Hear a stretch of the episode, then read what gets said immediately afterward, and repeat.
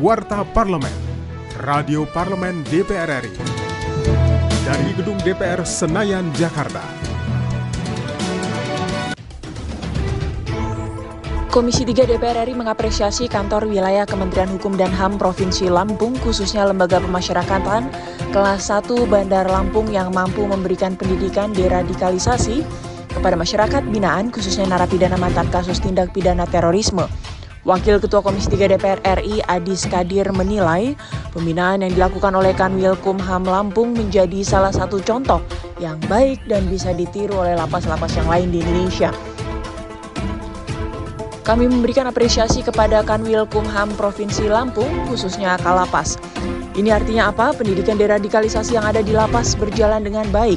Buktinya kami melihat langsung ada dua orang narapidana mantan terorisme mengucapkan ikrar sumpah janji kepada negara kesatuan Republik Indonesia.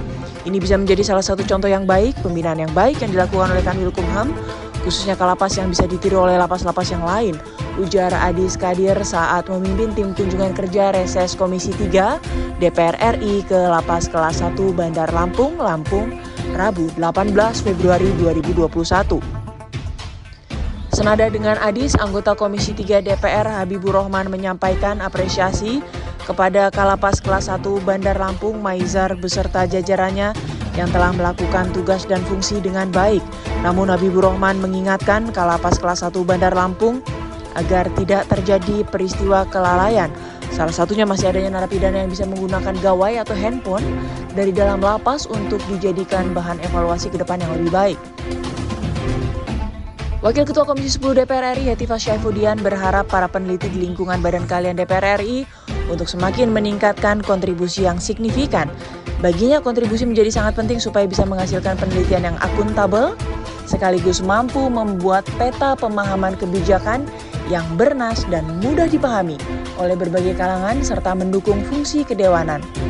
Selain menghasilkan penelitian yang akuntabel, bernas, dan mudah dipahami, diperlukan sosialisasi hasil penelitian yang mampu memersuasi masyarakat, baik lewat media konvensional dan digital. Menurut Hetifah, dengan adanya sosialisasi ini, sebuah kebijakan akan lebih diterima dan bisa menjadi bagian dari gerakan civil society. Hetiva juga menerangkan setiap konstituen memiliki permasalahan yang kompleks.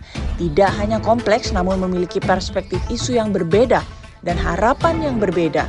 DPR RI sebagai lembaga yang memiliki perwakilan konstituen menjalankan tiga fungsi, di antaranya legislasi, anggaran, dan pengawasan. Tiga fungsi ini tentu perlu didukung dan diperkuat dengan data, fakta, dan bukti yang ada di dalam penelitian khususnya yang dibuat oleh para peneliti di Badan Keahlian DPR RI.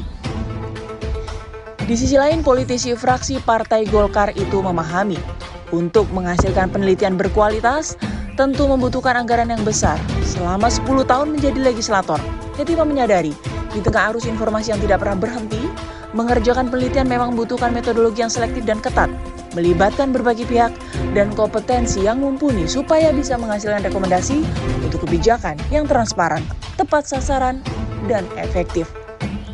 Demikian Warta Parlemen, Televisi dan Radio Parlemen, Biro Pemberitaan Parlemen. Sejen DPR RI, Serat Nafsari.